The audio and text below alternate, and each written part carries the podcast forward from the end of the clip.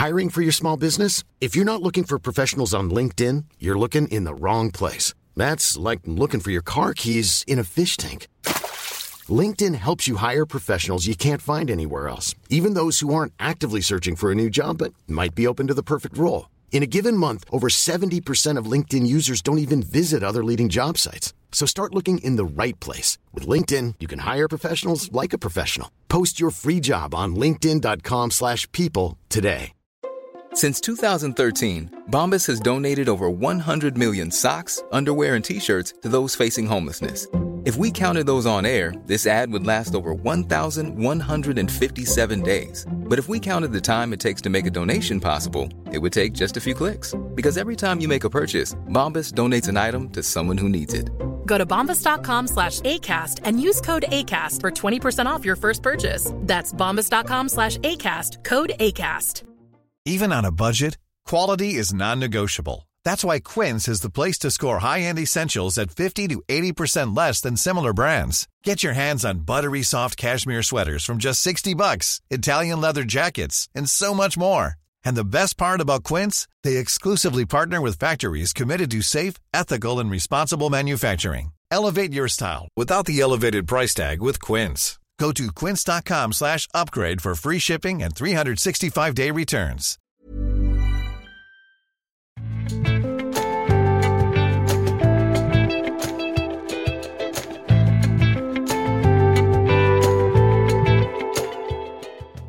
Slik ble en pave kristenleder for protestanter. Dette er Tore og Tarjei, en podkast fra dagen.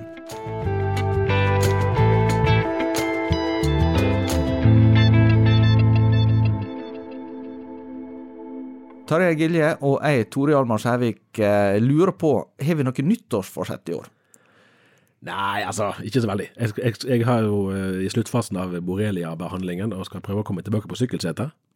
Bli litt friskere. Ja, eh, det blir det sagt at den, den, den friske har 100 problem, den sjuke har bare ett. ja, ja, nei, jeg tror det skal gå bra, det, altså. Men litt tid til det går vel. Ja. Nei, jeg håper det lite, skal lite insekt kan gjøre mye skade. Ja.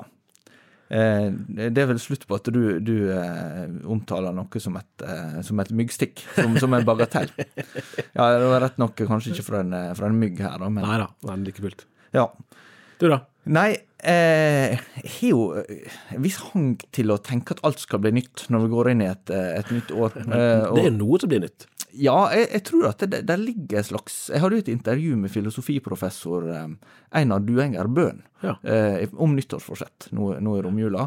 Og han påpekte at det viktigste med nyttårsforsett er kanskje ikke at du lykkes med det, men at du prøver. Eh, og det kan jo framstå som en litt sånn slitsom øvelse å alltid skulle, skulle ja, prøve på, på de samme tinga igjen og igjen. Men, men det ligger jo en slags sånn eh, noe sunt for oss, tror jeg, i det å, evaluere litt vårt eget liv og Ja, hva vi prioriterer. du kan jo kanskje tenke at, at fordi at du ikke lykkes fullstendig med å oppfylle forsettene, så er de eh, verdiløse. Men sånn er det jo ikke, for endring skjer jo nesten alltid gradvis. Og det at du bestemmer deg for å, ta, for å gå i hvert fall i en riktig retning, så tar du forhåpentligvis noen skritt dit, selv om du ikke kommer med en gang helt dit du ville. da. Ja, og så kan en, kan en evaluere litt prioriteringene sine. Jeg så, jeg så et, eh, eh, i en dansk avis at eh, det ble anbefalt å ha nyttårsforsett så du knyttet noe positivt, altså noe du gleder deg over. I stedet for å tenke at du, du skal skjerpe deg. Altså At du, du tenker jeg, jeg vil prøve å se etter noe vakkert hver dag, for eksempel. Eller gi en oppmuntring til noen hver dag. Og, og, og da eh, er det kanskje et eller annet med å tenke liksom, ja, hva, hva spor setter jeg med livet mitt, og hva, hva inntrykk tar jeg imot. Mm. Så det kan jo være noe å, å tenke over for flere, kanskje. Vi har holdt på å lese tidligere, den her Kari Vinje sin nesten legendariske 'Gud og jeg er venner'-bok. da. Det er min favorittbarnebok. Den har vi lest i hvert fall to ganger. Jeg prøver å lese den om igjen om igjen for barna. Jeg syns kanskje er mer, enda mer utbytterik enn de syns. Men der er det sånn fin eh, eh, bolk på slutten der de snakker om en sånn takkekurv. Eh, For da er det jo på en måte at mennesker ber til Gud om ting som menneskene vil ha, og så er det eh, hvor mange av bønnene menneskene ber til Gud som er takk for det de faktisk har fått. Og da er jo gjerne den kurven med takkeemner mye mindre. Altså den er ikke så full. Eh, Og det, så det prøver vi å snakke med barna. Hva kan vi takke for i dag? Eh, Og det er jo eh, alltid noe. Det er viktig å huske på, Ofte mer enn vi kommer på, egentlig. helt klart. Og det ser vi ikke minst når vi sammenligner med, med mange rundt oss. Sant? Og der er det jo kanskje viktig for oss å ikke bli med på den, denne her var det Olof Palme som lanserte begrepet, som statsminister i Sverige på, på 80-tallet, som lanserte begrepet 'de stigende forventningers misnøye'. Ja. Eller går det enda lenger tilbake. Det er iallfall eh, noe med, med den som blir godt vant, den kan ofte bli et ganske utakknemlig menneske. Og det må vi prøve å unngå. Eh, vi snakka litt om om det var spesielle ting vi, vi ser fram imot, som vi regner med blir viktige dette året. Vi kan bare kanskje ta en sånn kjapp eh, et lite rundskue der før vi går til det som er hovedtemaet i dag. Ting blir jo aldri helt sånn som vi tror. Nei. Så det må vi ta, høyde for. Sannsynligvis så får jo eh, Norsk Luthersk Misjonssamband en ny generalsekretær. Det var jo et håp vel om å ansette før jul, det skjedde ikke. Men så vi kan vel anta, la oss si i løpet av første kvartal i hvert fall, da, eh, at det skulle vel være rimelig. I og med at Øyvind Aasland gikk av i mai i fjor, så bør det jo komme på plass eh, forholdsvis snart. Eh, og, og hele den dynamikken som, som eh, har skapt mye konflikt de siste årene med varslingshåndtering, er ikke over. Eh, Det pågår samtaler, og det er prosesser som går. Sånn at, eh, sånn at det vil nok være med oss, eh, sånn både profesjonelt, altså som journalister i dagen, men òg for veldig mange mennesker i Misjonssambandet, så vil det være en del av horisonten i 2023. Det tror jeg vi kan være rimelig trygge på. Så det er én ting. Nå på fredag så får vi vite litt mer om hvem som blir neste biskop i Bjørgvin. Da er det seks kandidater nå som skal bli til tre. Og så skal jo da Kirkerådet ansette i, eller velge, i begynnelsen av februar av de tre igjen, da. Ja, Det blir veldig spennende å se. Det, det er vanskelig å forutsi. Det er sommeren er det generalforsamling i NMS, Norges eldste misjonsorganisasjon. Uh, juli og måneds, eller slutten av juli, slutten av juni, uh, månedsskiftet der. Det er det sånn umiddelbart som jeg kommer på av sånne store strukturelle ting. Ja, ganske sikkert dukker opp ting vi ikke Helt garantert. Helt garantert. Dødsfall er jo noe som vi eh, heller ikke liksom veit om, men som er jo mindre uventa enn andre. Og eh, for eh, ja, nå blir det faktisk eh, snart ti år siden, så gjorde daværende pave Benedikt, egentlig Josef Ratzinger, det uvanlige valget å tre til side. Og det har ikke skjedd på over 600 år før. Eh, og da hadde han vært pave fra 2005, så det ble ca. åtte år. Og det slo meg bare i går. Da, da var jeg til tannlegen. Eh, og eh, grunnen til at det, jeg tenker tar opp det her nå, det var at i 1989 så var daværende pave Johannes Paul 2. på besøk i Norge. Og en av de daværende lutherske biskopene kunne ikke møte ham fordi han måtte til tannlegen. Og, og jeg tenkte at den, den hendelsen forteller egentlig ganske mye om forholdet til eh, katolske kirkeledere Ja, på protestantisk hold. Ja, det er ikke så lenge siden. Det er ikke mer enn ca. en generasjon det, det var et, var et litt artig poeng med, med den svenske Ulf Ekman, som ble katolikk. Jeg måtte jo da òg ja, Jeg vet ikke om han egentlig beklaget det, men det var jo liksom For han var vel i Sverige òg, lurer på om det var samme besøket, Johannes Paul. Og da var det jo liksom Nå måtte vi stå imot denne åndsmakten, nærmest, da, som, eh, som eh, paven representerte. Altså, det var virkelig eh, ganske Altså total omvending, da, fra det som det å bli katolikk sjøl. Ja, og det, der, eh, grunnen til at vi tar opp dette nå, at vi tror eh, Vi har eh, hatt forka, eh, samtaler i forkant av den, dette opptaket. Vi prøver å forberede oss litt. sammen. Ja. Og, og vi tror kanskje at nettopp pave Benedikt sin periode har vært den mest eh, ja, Det er jo lett å være nærsynt når en ser på historier, men, men at der har det skjedd en viktig endring eh, i forholdet mellom protestantiske og katolske kristne. Eh, og for katolske kristne er jo paven veldig viktig. Det, Jeg det er jo si en gøy, gøy ting om det som jeg ser. Jeg husker akkurat hvor jeg var. Jeg var på sånn alfakursviken alfakurs-weekend den helgen. eh, Jeg tror det var en lørdag kveld når pave Benedikt når det ble kjent at det var han som skulle bli paven. Eh, Og det kom hvit røyk ut fra, fra kapellet der. Ikke det kapellet, det kommer ut. Ja, det Sixtinste Ja, ja. kapell. Eh, og se den der enorme jubelen på Petersplassen. Eh, og det skjer jo hver gang. Eh, det er ikke sikkert alle liker den personen som blir pave like godt, men det er likevel sånn her begeistring hos massevis av mennesker. Det har vi liksom ikke noe tilsvarende på protestantisk side. Da. At det er en sånn her wow, liksom, vi har fått en ny pave, fantastisk. Eh, det syns jeg er fascinerende. Ja, og, og der har du kanskje også spenninger, da, for eh, noe av innvendinga fra eh, protestantisk side har jo vært at den som er pave, får en posisjon som, som eh, ikke en ser bibelsk belegg for. Altså at det, det blir en slags persondyrking, eller at en, en, at en tillegger et enkeltmenneske en autoritet og en eh, ja, eh, en status og, og nærmeste sånn eh, halv, mm. eh, rolle, som er å knytte dette her å være Peters etterfølger. Da, da ser jeg Kristi vikar. Ja, ja. Vicarius Kristi sant, eh, på latin. Eh, vi får bruke den lille latinen vi kan, det er ikke, ikke mye å skryte av. Men eh, for, for katolikkene er jo det et viktig poeng at når Jesus gir eh, Peter denne nøkkelmakta som vi leser om i Matteus 16, så er det et embete han oppretter som går i arv. Eh, fra, fra eh, biskopen av Roma, da, som paven først og fremst er. Eh, som, som skal Peter var den første, og dette blir, det fortsetter og fortsetter. Og, og det paven skal gjøre, det er egentlig å bare videreføre. Eh, og, og er dermed bare fått en rolle som skal ha for et visst antall år. Eh, I utgangspunktet er det vært til han dør.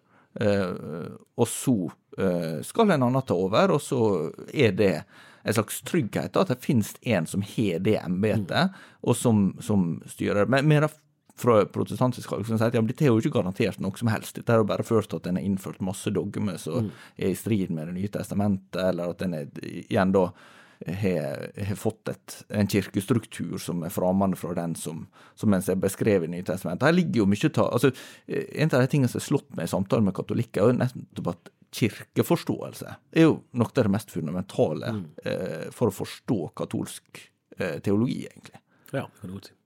Og, og, og, og det er der spenningene ligger så sterkt. For, det, for dem er dette umistelig, og for protestanter er dette bare helt uakseptabelt. For at en, en, en greier bare ikke å gå god for at dette er ordning. Men så skjer det et eller annet likevel i, i pave Benedikts periode. Og det er det vi prøver å forstå litt i dag. og og der er, jo, der er jo flere ting som skjer samtidig. For på den ene siden, og det har jo, har jo noen av, av artiklene som er skrevet i Norge etter hans død, eh, båret preg av. Blant annet hadde NTB en sak der, der denne betegnelsen Guds rottweiler var brukt i overskriften, som, som professor og katolikk Janne Holland Matlari eh, kritiserte temmelig skarpt i Aftenposten. Og det er jo en betegnelse som har blitt brukt om han. Og det er jo litt sånn kanskje typisk da at han ble sett på som en konservativ pave, og det er ikke noe populært i den mer sekulære norske offentligheten, sånn at han var på en måte bad guy. Mens pave Frans blir sett på som en mer liberal pave, og dermed good guy. At Bill, og det så du helt fra, fra det skiftet, at, liksom at den offentlige omtalen var markant forskjellig. Dette likte man i, i de som redigerer norske medier, at det var en helt sånn felles det er en av de gangene jeg tror det er riktig altså, altså Vi skal være forsiktige med, med å snakke om mediasiat, at det er som om det var én ting. Men her var det en ganske ensartet, at, at det, det skiftet var, var, var tydelig. Men så er jo, er jo spørsmålet hvor berettiget det er, uansett hvor stor er egentlig forskjellen i faktisk teologi mellom de to. Men, eh, men samtidig, da, som, som, som Ratzinger, eller da pave Benedikt, ble eh, skarpere kritisert og mindre sympatisk fremstilt eh, i, dominerende medier, så tror jeg det er riktig å si at det var den perioden der, der det skjedde skifte i at norske protestantiske kristne, eh, aktive kirkegjengere, eh, kanskje du kan si at, at det var den perioden det ble greit å referere til paven som en slags autoritet uten å legge inn en sånn unnskyldning, nærmest. da. For hvis du, Tidligere så tror jeg nok at mange ville ja, Johannes Paul kunne nok sagt noe bra, han òg, men jeg måtte huske på at han er jo pave, han er katolikk og gir ikke for alt dette her. sant?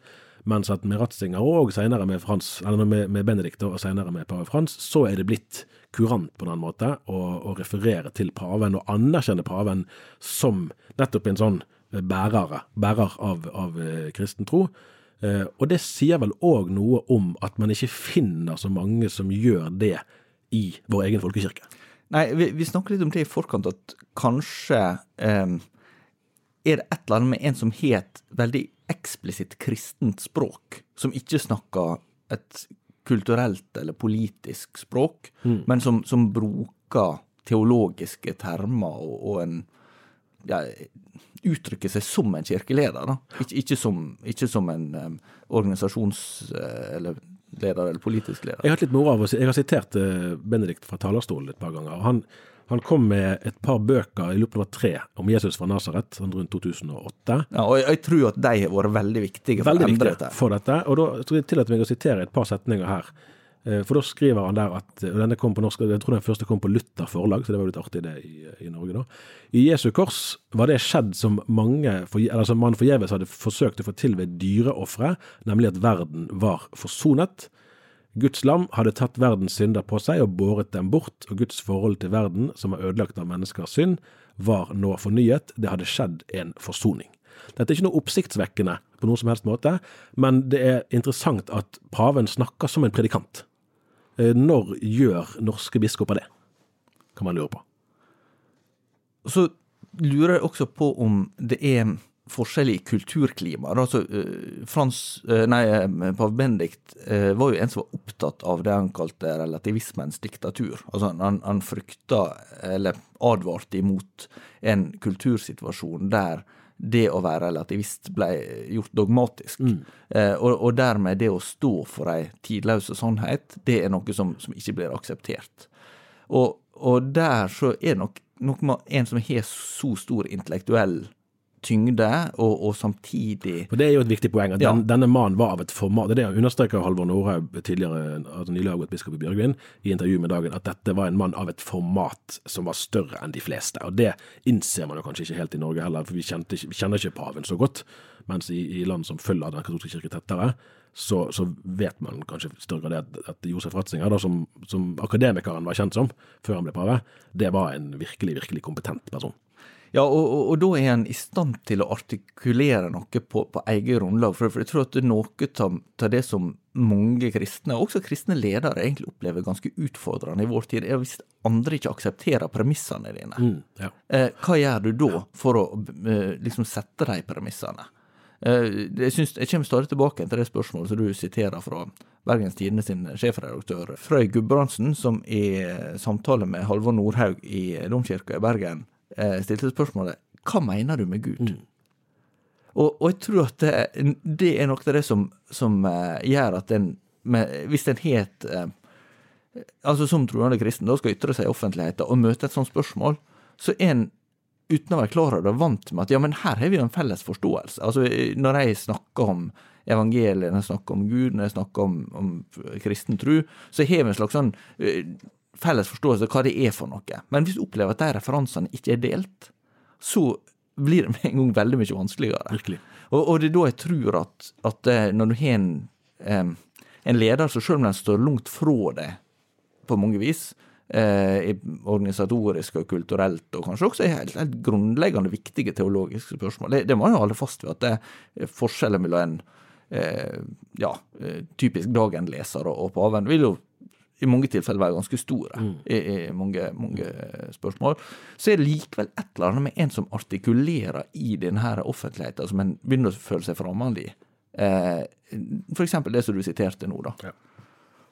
Og så syns jeg det var, det var, interessant for han, han, I 2016 så ga Benedikt eh, et Det er jo egentlig en hel bok på over 200 sider som er et langt intervju. Tenk om vi kunne skrive så langt intervju. Ja, det hadde, det hadde du likt. det kunne vært noe. En som heter Peter Sevald Eh, Benedikt 16. Eh, Last Testament in His Own Words, eh, heter den. Og Der siterer han bl.a. fra når, når Benedikt ble innsatt i 2005.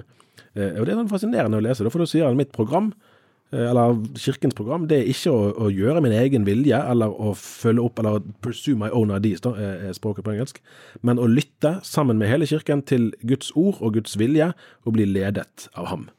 Igjen så er det jo ikke noe, noe spesielt sensasjonelt i det han sier, men han legger til grunn en helt sånn fundamental kristen virkelighetsanskuelse, som jeg tror egentlig eh, mange, ja, både frikirkelige og bedehuskristne, men òg altså mange i folkekirken, kunne si at ja, men dette savner vi, dette skulle vi ønske at våre ledere våget å være mer frimodige å snakke om. For da, for én ting er det som gjerne uh, har gjort, tror jeg, noe av, av, anerkjennelsen, har skapt noe av anerkjennelsen for, for, for Benedikt, er jo òg at, at uh, i denne tiden så har Den katolske kirke uh, ikke endret syn på ekteskapet. og ikke egentlig endret syn på abort heller. mens det har jo helt åpenbart Den norske kirke gjort eksplisitt i form av både kirkemøtevedtak og bispemøteuttalelser.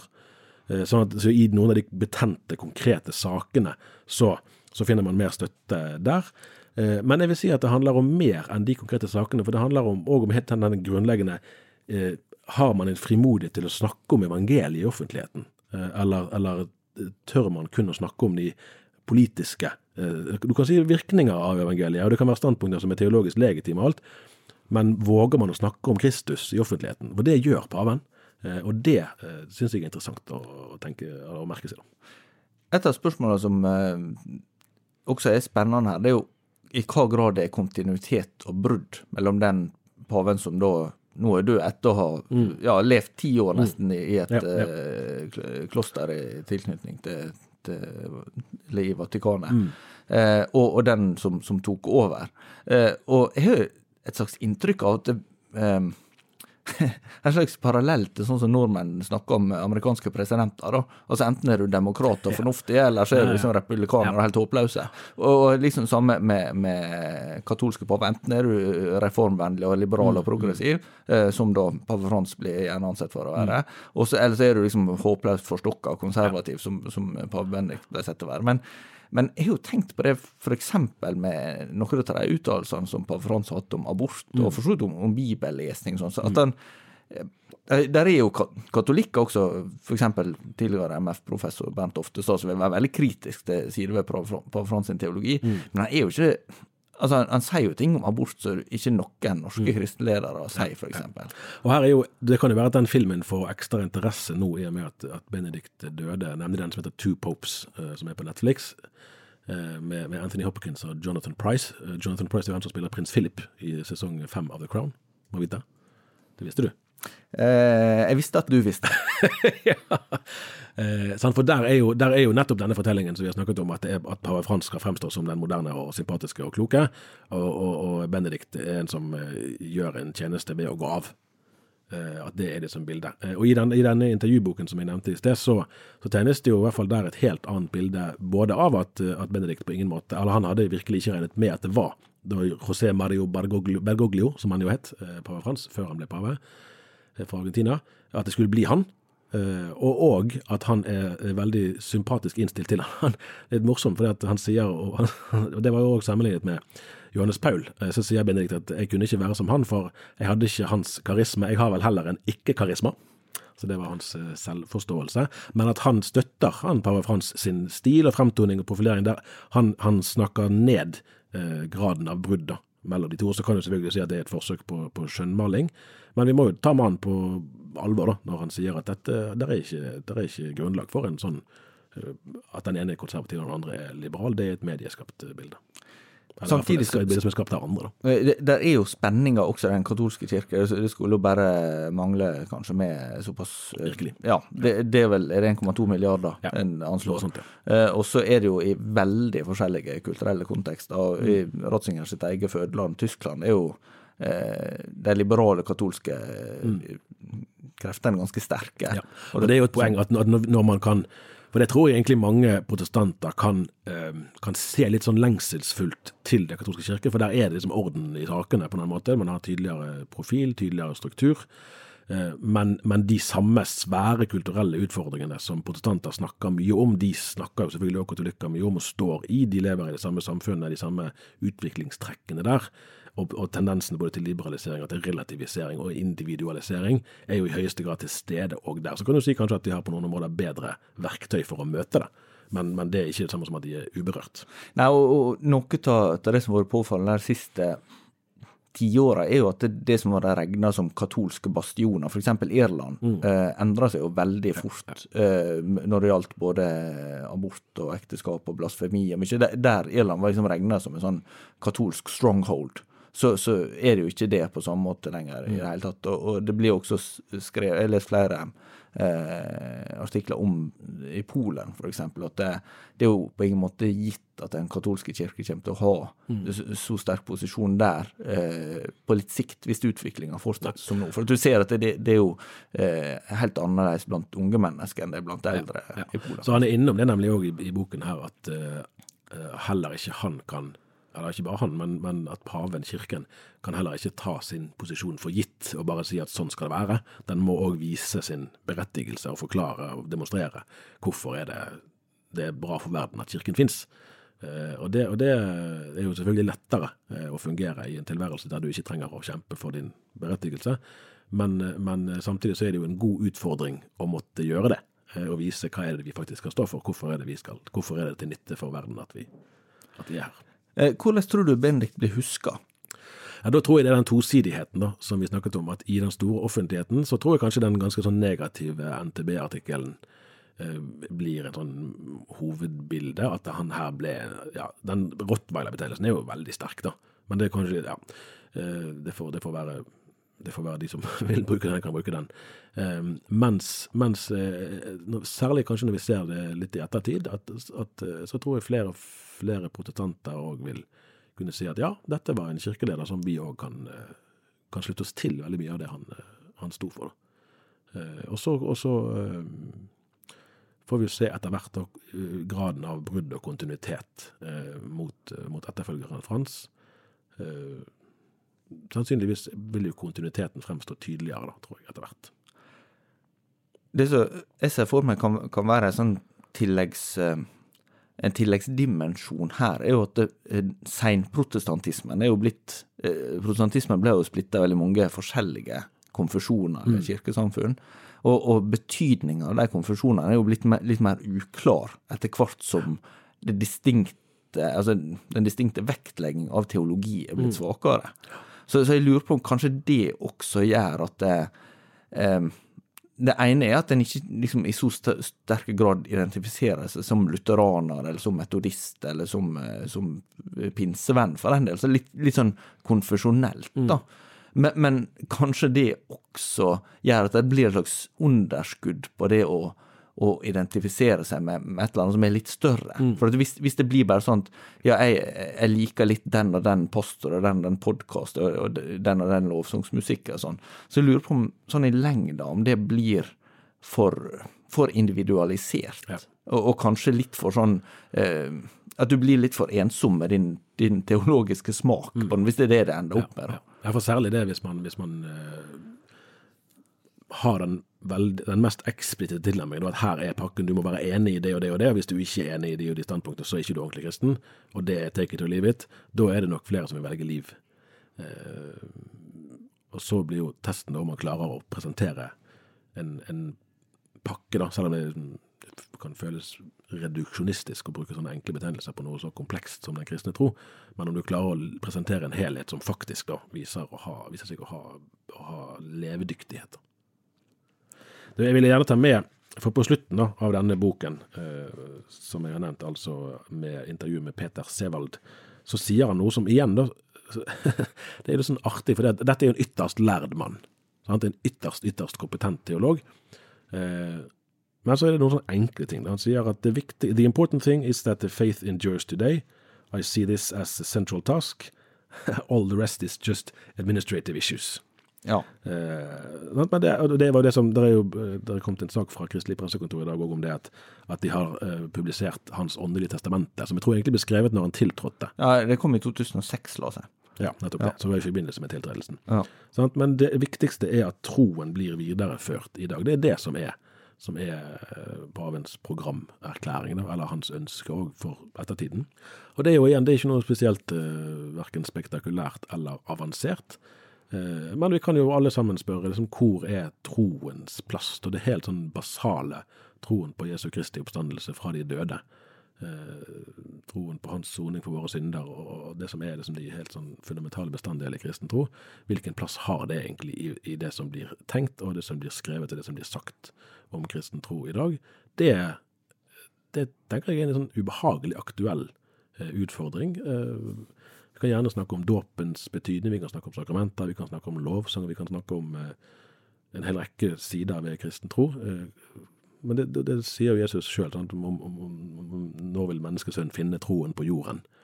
Eh, og der, der ser vi jo at, at faktisk at paven kan, kan lære protestanter mye. Ja, hvem hadde trodd at en dag en redaktør ville avslutte en podkast sånn? Det, det får henge der, det er spørsmålet. Og så eh, er vi tilbake allerede i neste uke. Det går vi for. Takk for nå. Takk for i dag. Ha det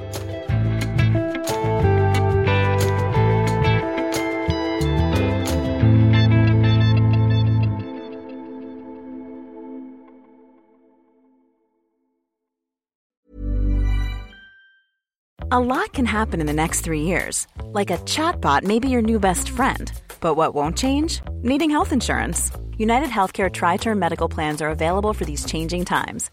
Underwritten by Golden Rule Insurance Company, they offer budget friendly, flexible coverage for people who are in between jobs or missed open enrollment. The plans last nearly three years in some states, with access to a nationwide network of doctors and hospitals. So, for whatever tomorrow brings, United Healthcare Tri Term Medical Plans may be for you. Learn more at uh1.com. Hi, I'm Daniel, founder of Pretty Litter. Cats and cat owners deserve better than any old fashioned litter. That's why I teamed up with scientists and veterinarians to create Pretty Litter. Its innovative crystal formula has superior odor control and weighs up to 80% less than clay litter. Pretty Litter even monitors health by changing colors to help detect early signs of potential illness. It's the world's smartest kitty litter.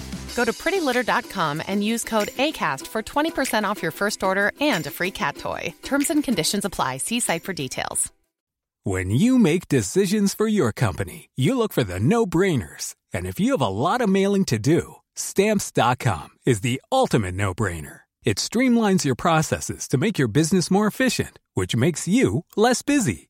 Mail checks, invoices, legal documents, and everything you need to keep your business running with stamps.com. Seamlessly connect with every major marketplace and shopping cart. Schedule package pickups and see your cheapest and fastest shipping options from different carriers with rates up to 89% off USPS and UPS rates. And with the stamps.com mobile app, you can take care of mailing and shipping wherever you are. Make the same no-brainer decision as over 1 million other businesses with stamps.com. Sign up with code program for a 4-week trial plus free postage and a free digital scale. No long-term commitments or contracts. That's stamps.com.